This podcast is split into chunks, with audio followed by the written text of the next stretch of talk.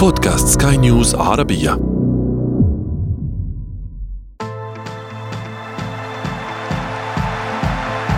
أثير الكرة.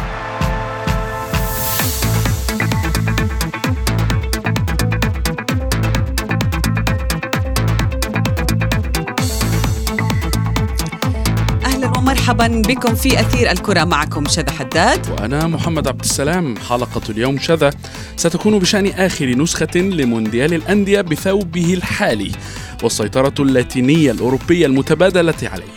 ليس هذا فقط محمد. نريد أن نعرف اليوم ما الذي ينقص الأندية العربية للتتويج بمثل هذه البطولات.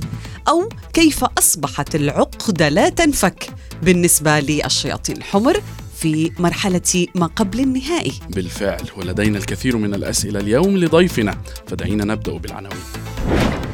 الأهلي المصري يضيع فرصة تاريخية وفلومينيانزي في النهائي بأقل مجهود. بعد الإعلان عن شكلها الجديد ما هي حظوظ العرب في تحقيق الميداليات في مونديال الأندية؟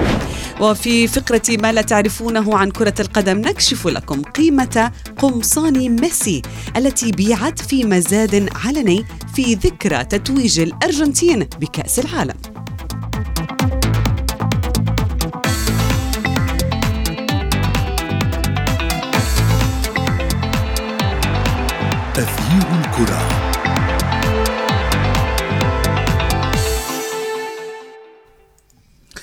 شذا شاهدنا مباراة قوية للنادي الأهلي المصري أمام فلومينينسي البرازيلي في نصف نهائي كأس العالم للأندية المقامة في السعودية. ولكن في النهاية أبناء السيليساو كانت لهم الكلمة العليا.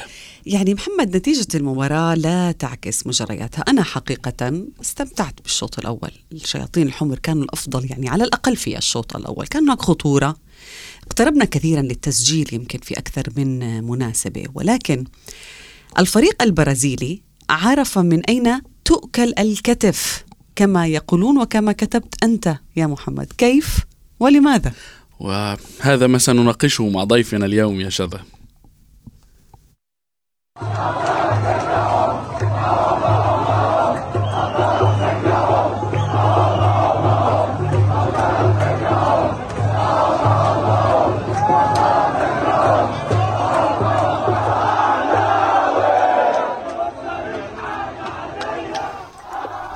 رحبوا معنا بالصحفي الرياضي أحمد مختار. ينضم إلينا من القاهرة. أهلا بك آه، أحمد. دعنا نبدأ آه، كابتن من السؤال الأبرز. ما الذي كان ينقص الأهلي أو ما الذي احتاجه الأهلي ولم يكن هنا موجود يعني في هذه المباراة التي جمعته بفلومينينزي آه، في نصف نهائي كأس العالم للأندية؟ بسم الله في البداية. طبعا يعني الأهلي كان بيحتاج طبعا كان التوفيق زي ما حضراتكم اتكلمتوا لكن أنا بالنسبة لي أكتر حاجة الأهلي كان محتاجها هي الحسم أمام المرمى. الأهلي كان محتاج مهاجم صريح حقيقي راس حربة بحقه حقيقي راس حربة رقم تسعة يقدر يترجم الفرص إلى أهداف. ودي للأسف مشكلة الأهلي مش بس في ماتش فلومينينسي أو في بطولة كأس العالم للأندية الحالية ولكن في معظم المباريات الكبيرة اللي بياخدها مؤخرا بتبقى دايما عنده المشكلة دي. الأهلي حتى في كأس العالم للأندية في النسخة الماضية اللي أقيمت في المغرب الأهلي عمل مباراة رائعة أمام ريال مدريد ولكن أيضا أضاع عدة فرص. الأهلي كان الطرف الأفضل من فلامينجو في مباراة تحديد المركز الثالث ولكن أيضا لعبته تفننت في إضاعة الفرص وبالتالي الفريق يدفع الثمن حتى هذه اللحظة في قلة اللي هو الحسم أمام المرمى عدم وجود مهاجم صريح بالشكل الحقيقي. حتى مدرب السويسري مارسيل كولر تحدث مرارا وتكرارا بعد نهاية الموسم الماضي للفريق محتاج مهاجم الفريق محتاج هداف. لكن م. كلنا فوجئنا في النهاية في اللي هو اللعيب الفرنسي انطوني موديست. أعتقد كل الناس شافت مستواه وحتى شفناه في كأس العالم للأندية. الراجل نزل دقيقة تقريبا وانطرد. فبالتالي الأهلي يفتقد إلى المهاجم يفتقد إلى الحسم أمام المرمى وبالتأكيد يفتقد التوفيق في بعض المباريات ولكن يعني هذه الأمور تعتبر حاجات طريقه يعني الأهلي كان موفق في مباراة الاتحاد ممكن بعض الشيء أمام فلومينينسي ما يكونش موفق. ممكن لو كان وصل النهائي يبقى موفق. لكن خلينا نتفق إن الفريق بكل صراحة وبكل موضوعية يفتقد إلى رأس نعم يعني أحمد أحمد تحدثت كثيرا عن آه، آه، رأس الحربه وهو كان امرا واضحا يا شذا خلال لقاءات الأهلي. بالفعل كما قال أحمد منذ أعوام وليس في مباراة فلومينينسي فقط. نعم ولكن يعني من يتحمل مسؤولية هذا يا أحمد؟ يعني حتى مسؤولية التعاقد مع لاعب كبير في سن مودست 35 عام من يتحمل مسؤولية هذا التعاقد؟ ومن يتحمل مسؤولية عدم وجود رأس حربة لنادي كبير في حجم النادي الأهلي؟ أعتقد الإدارة الرياضية للنادي ده طبعا في المقام الأول. آه، الكابتن محمود الخطيب الكابتن أمير توفيق اللي هو مدير التعاقدات وبالتأكيد أيضا يجب أن يتحمل مارسيل كولر. على الأقل هو في النهاية وافق على هذا المهاجم اللي هو أنطوني موديست حتى لو كان مش مقتنع بيه. فبالتالي هذا الثلاثي هو من يتحمل. لكن خلينا محمد نوسع الدائره شوية أو نوسع الصورة ونقول اللي هو المشكلة مش في موديست. يعني ما قبل موديست مين كان مهاجم الأهلي؟ أظن أيضا ما كانش مهاجم. يعني تخيل الأهلي بقاله سنتين أو ثلاثة بيعتمد فقط على كهرباء اللي هو أساسا مش مهاجم صريح اللي هو كان عنده مشاكل كتير في التعاقد معاه في عقوبه الاتحاد الدولي في الإيقافات الكتير اللي بيتعرض ليها. فلنا نتخيل ان الأهلي الفريق الكبير جدا الفريق اللي بينافس تقريبا على جميع البطولات المهاجم بتاعه الأساسي أو الوحيد هو محمود كهربا اللي هو مش مهاجم من الأساس. وبالتالي كل هذه الأمور بتؤكد إن الإدارة الرياضية هي من تتحمل المسؤولية الكاملة في نقطة عدم التعاقد مع مهاجم صريح جيد. جميل جدا. بعيدا عن هذه الأمور آه، أحمد يعني لربما كان يحتاج الأهلي شيء آخر. هل هو آه، العقلية عقلية الفوز. يعني أنا كنت أشعر بأنه مباراة الاتحاد كانت أصعب من المباراة الثانية أمام البرازيليين. كانت أصعب من حيث الجماهير كانت أصعب من حيث أيضا التشكيلة وغير ذلك. ولكن شعرت أيضا بأنه الأهلي كان الأقوى ولكن كان هناك مشكلة العقلية التي لطالما تحدث عنها أيضا نجم صلاح. نجم مصر محمد صلاح. هو طبيعة اللاعب المصري أو العربي بصفة عامة اللي هو بيأدي أفضل ما لديه عندما يكون مضغوط أو تحت الضغط أو بيلعب مباراة كبيرة بمقاييس عالمية. وده اللي حصل أمام الاتحاد. الأهلي والاتحاد كان ديربي عربي. كل الوطن العربي كان بيتكلم عليه. للأسف حصل تقليل من الأهلي في وسائل الإعلام السعودية والجماهير السعودية قبل المباراة بشكل مبالغ فيه. أعتقد هذه الأمور وصلت للعيبة. فبالتالي الأهلي كان فريق الأهلي كان مشحون بشكل إيجابي. قبل مباراة الاتحاد وده شفناه كلنا داخل الملعب دايما اللعيب المصري حتى مع المنتخب في الماتشات الكبيرة بتلاقيه بيأدي أفضل ما لديه ولذلك حتى المنتخب المصري تاريخيا بيتفوق على المنتخبات الأفريقية اللي هي بتضم لاعبين على أعلى مستوى بهذا الجانب أو هذا الشق اللي هو التحضير النفسي الصحيح. في المقابل دايما طبيعته برضه الجزء السلبي فيها اللي هو لما بيكون مرتاح أو بيكون هو المرشح الاوفر حظا للمباراة قال لما بيكون قدامه فريق مش محفزه أو مش مستفزه بالشكل الكامل زي ما حصل أمام فلومينينزي. هنا بقى بتبدأ تبان اللي هو الهدوء الثقه الزايده وده اللي ظهر أيضا في المباراة يعني نعم ولكن يعني أي محفز أكثر من أن تكون في نصف النهائي ومرشح بقوة للوصول إلى نهائي بطولة مثل كأس العالم للأندية التي لطالما حلم جماهير نادي الأهلي بالوصول إلى المركز المباراة النهائية وليس على الأقل وليس الفضية. تحقيق الفضية. نعم البطولة ولكن يعني أحمد هناك الكثير من التعليقات كانت أو سمعناها عن آه، بعض القرارات الحكم البولندي مارتشينياك على الرغم من أنه واحد من أفضل إن لم يكن الأفضل في العالم حاليا. ما هو تعليقك على هذه القرارات؟ والله الحكم أنا شايفه اللي هو يمكن كان يعني كان صعب شوية على الأهلي. يعني آه، بدا برضه خلي يعني ممكن أقول أنا بوجهة نظر إن أنا في الآخر آه، إعلامي مصري فممكن أكون يعني بجامل الأهلي في النقطة دي لكن بشوف بصراحة كمش يعني كمشاهد للمباراة كان ممكن الحكم كان متحامل شوية على الأهلي لكن الحاجة الثانية برضه اللي أنا عايز أتكلم فيها بعيدا عن حكم المباراة قصة الإرهاق. يعني الأهلي واضح جدا جدا إن الشوط الثاني آه، الأهلي المباراة تنقسم لقسمين الشوط الأول الأهلي كان أفضل كثيرا صنع فرص كان الطرف الأفضل لكن بكل صراحة في الشوط الثاني بعيدا عن الجانب النفسي أو العقلية أو خلافه لا الأهلي ما كانش كويس. بعيدا كمان عن حكم المباراة وده بيقودنا لنقطه الإرهاق أو الجانب البدني أو نظام البطولة الحالي اللي هو نظام ظالم جدا للفرق الأفريقية أو الفرق العربية أو الفرق نعم. الاسيويه مقارنة لفريق زي فلومينينسي اللي هو جه البطوله ولعب أول مباراة أمام الأهلي مقابل الأهلي اللي هو لعب ماتش الاتحاد كان ماتش صعب جدا. فظهرت الفوارق البدنية في الشوط الثاني رغم إن معدل أعمار فلومينينسي أكبر لكن كان مرتاح أكتر وده فرق جدا في الشوط الثاني. أتصور بإن نقطة الإرهاق ونقطة جدول البطولة أيضا كان, كان لها دور في الخسارة. وهنا وهنا سنعود مرة أخرى للنقطة التي تحدثت عنها شذا وهي العقلية عقلية اللاعب العربي. أيضا هي تحدد النقاط التي يريد أن يصل إليها هذا اللاعب. أحمد يقع لها دور بالتأكيد. أحمد ابقى معنا. فاصل قصير نتابع بعده ما تبقى من حلقة اليوم. تغيير الكرة. Let's get ready to make some noise for the treble winners, Manchester City!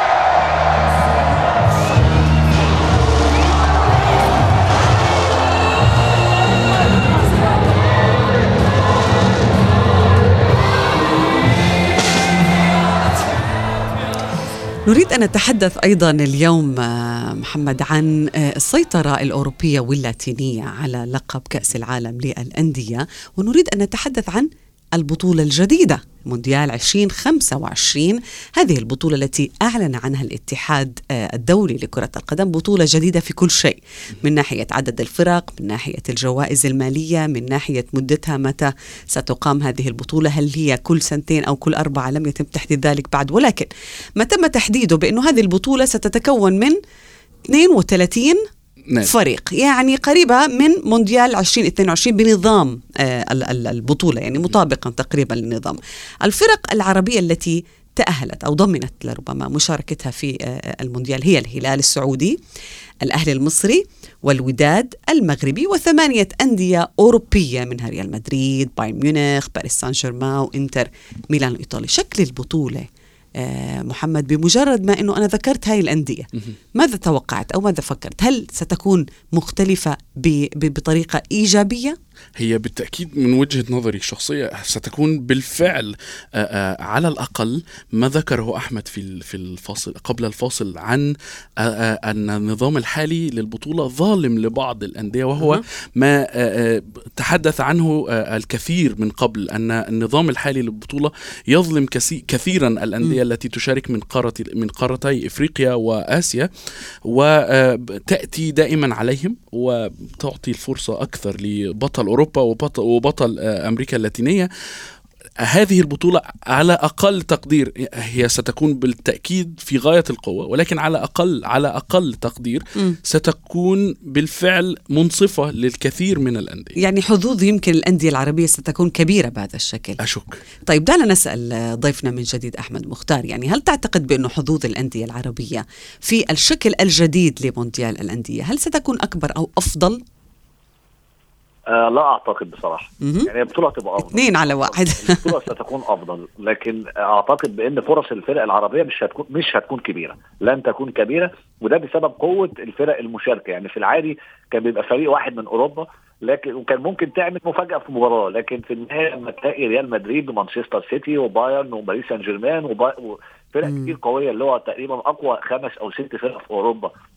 في الوقت الحالي وبالتالي في يعني فرصة إن أنت تعمل مفاجأة قدام واحد فيهم ممكن تبقى كبيرة. لكن تعمل مفاجأة قدام الأول والثاني والثالث والرابع أعتقد الموضوع هيكون صعب على الفرق العربيه حتى وإن كانت مدعمة صفوفها بشكل قوي مثل فريق الهلال السعودي على سبيل المثال اللي هو عمل ميركاتو قوي وعنده لعيبة مميزة. لكن في النهاية مع كامل الاحترام ليهم أكيد لما تيجي تقارن بين الهلال وريال مدريد أو الهلال ومانشستر سيتي أو الهلال وبايرن أكيد الفرق الأوروبية حتى هذه اللحظة هي صاحبة اليد العليا. نعم أحمد يعني آه، دعني أسألك السؤال الذي آه، آه، وجهته إلي شذا، ما هو رأيك في الشكل الجديد للبطولة؟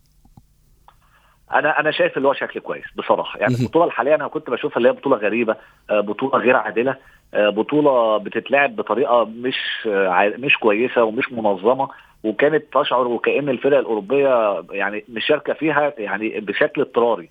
اللي هو الفريق بيجي قبل المباراة بيوم زي مانشستر سيتي كده على سبيل المثال اللي هو تشعر وكأن هذه البطولة ليست في جدول حساباتهم. لكن البطولة الجديدة هتكون أفضل على مستوى التنافسي على مستوى اللي هي نسخة مصغرة من كأس العالم.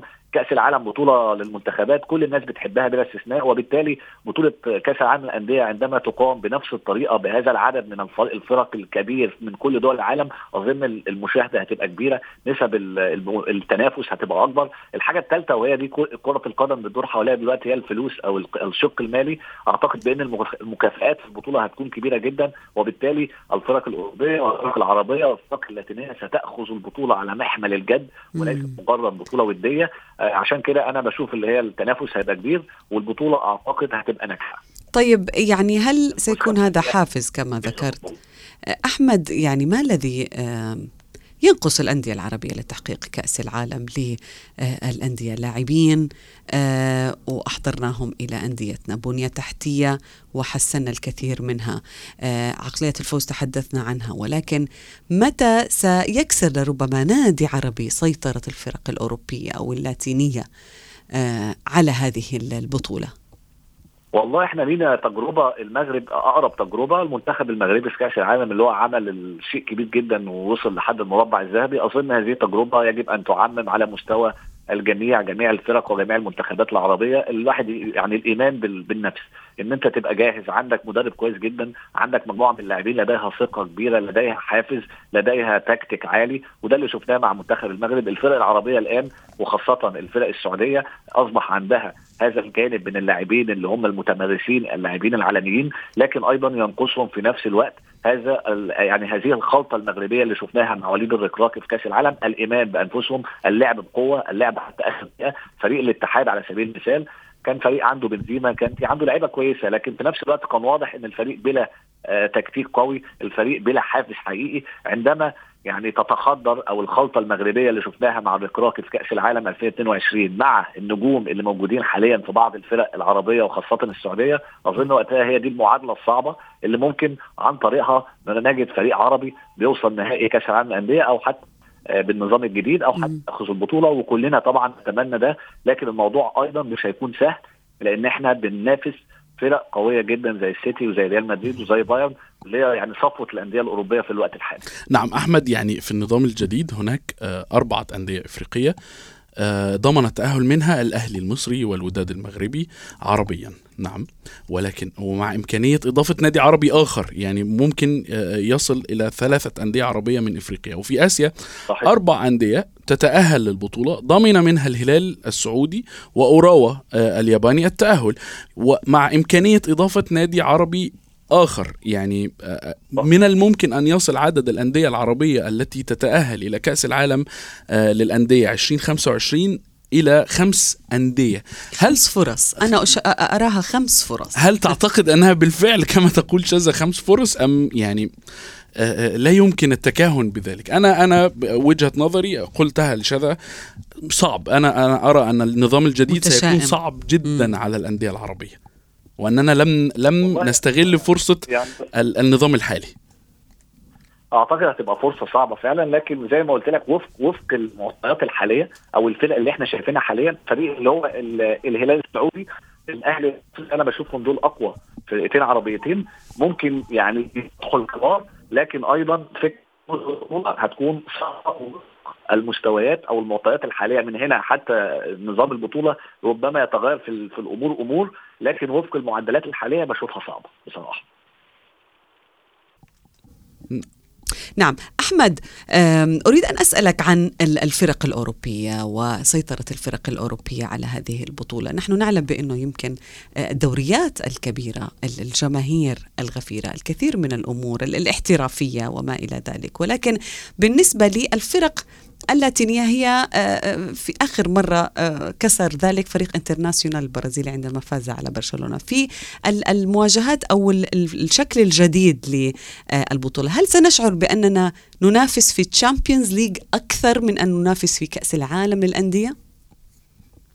بص يعني فعليا هتبقى الفرق الأوروبية أقوى لكن أيضا بص الفرق اللاتينية عندها ميزة إنها عندها شخصية قوية يعني رغم إن فعليا يعني من أيام تقريبا كورنثيانز وتشيلسي وانترناسيونال وبرشلونة من وقتها ما حصلش اللي هو فريق لاتيني قدر يتفوق لكن الفرق اللاتينية بتقدر تحرج الفرق الأوروبية وبتقدر تلعب معاها ماتشات كبيرة. كنا شفنا حتى النهائي 2019 فلامينجو وليفربول كان ليفربول فريق تاريخي وفلامينجو وقتها قدر يوصل معاه الوقت الإضافي وكان ممكن يكسبوا أنا بشوف الفرق اللاتينية في البطولات المجمعة ليها فرص كبيرة أكتر من الفرق العربية لأن عندهم لعيبه عندها خبرات أكتر وعندهم شخصية أقوى وبالتالي ممكن يكون يعني إيه ينطحوا شوية الفرق الأوروبية ولكن أيضا بكل صراحة وفق المستوى الفرق الأوروبية تأتي اولا. لكن الفرق اللاتينية ميزتها إنها بتقدر تلعب في الأجواء دي بشكل كويس والدليل اللي هي أول بطولة اتلعبت كانت اللي هي بنفس النظام تقريبا فاز بيها فريق برازيلي واللي هي البطولة اللي أقيمت في البرازيل لأول مرة. ولذلك الفرق اللاتينية أتصور بإن ممكن تناطح الفرق الأوروبية أكتر بسبب شخصيتها وبسبب خبرات لعبتها وبسبب إنها تجيد جدا في مثل هذه البطولات المجمعة ولنا في التاريخ عبرة في أول بطولة كأس عالم الأندية أقيمت فاز بها فريق برازيلي على حساب عمالقة أوروبا مثل مانشستر يونايتد وريال مدريد وغيرهم. نعم ولهذا أعتقد يا شذا وأحمد أن آه، لهذا السبب آه، آه، فيفا اختارت أن يكون ممثل ممثل الأندية التي تمثل القارة الأوروبية 12 فريقا وأيضا ستة أندية لاتينيه ستشارك في كأس العالم الجديدة القادمة بشكلها الجديد. وهدفها لربما من الاتحاد الدولي يا أحمد هو مالي يعني هي بطولتين حتى هناك بطولة كبرى أه، وبطولة صغرى ستنطلق في ديسمبر 2024 مظبوط دي حقيقة فعلا. نعم وإنتر كونتيننتال في رأيي الشخصي أه، يعني تعتبر ظالمة جدا أظلم حتى من من النظام الحالي لكأس العالم. ألا ترى ذلك أحمد؟ أنا بشوفها آه لكن هي بصراحه تبقى اجمل من النظام الحالي. يعني انك الفريق مثلا زي الاهلي يبقى مجموعه فيها ريال مدريد فريق من أمريكا الجنوبيه فريق من اسيا اتصور بان البطولة تبقى شكلها افضل. وهيبقى التنافس فيها أكبر وهتبقى فرصة للاحتكاك أكثر كمان من الأول. تعتبر أنا بشوفها اللي هي كأس عالم ولكن للفرق وليس للمنتخبات. هي هي كان دائما ودية أكثر منها رسمية بصراحة. صحيح هي دائما هدف الفيفا حتى من كأس العالم عندما آه، يعني أعلن عن يعني بعض نواياه بان تكون البطولة مونديال حتى المونديال الحقيقي أن يكون كل سنتين. نعم. هي لربما سيطبق ذلك على على كأس الأندية وليس على المنتخبات فعلا. كل الشكر لك ضيفنا من القاهرة أحمد مختار. شكرا جزيلا لك لوجودك معنا في أثير الكرة.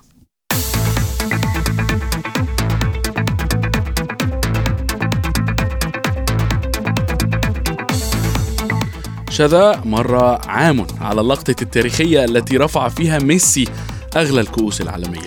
كأس العالم الذي آه، حققه النجم الأرجنتيني لأول مرة بقميص التانجو.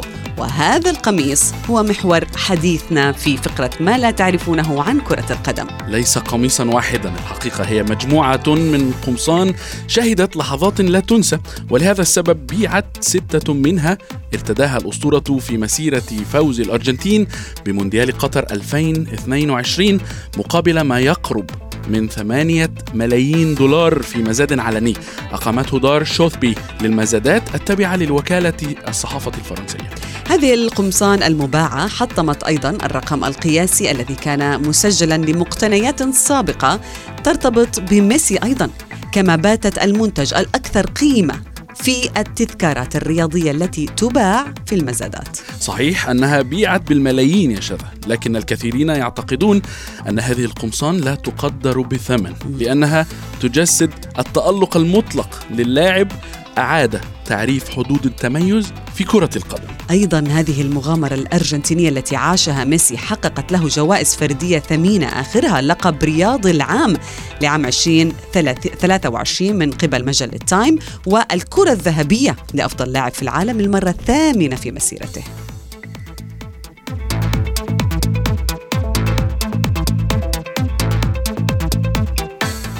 شذا حديثنا عن كأس العالم والأندية العربية لن ينتهي بالتأكيد وأيضا حديثنا عن ميسي لن ينتهي. شكرا جزيلا لكم. تابعتم معنا حلقة اليوم من أثير الكرة. كنت معكم أنا محمد عبد السلام. وأنا شذا حداد. إلى, إلى اللقاء. أثير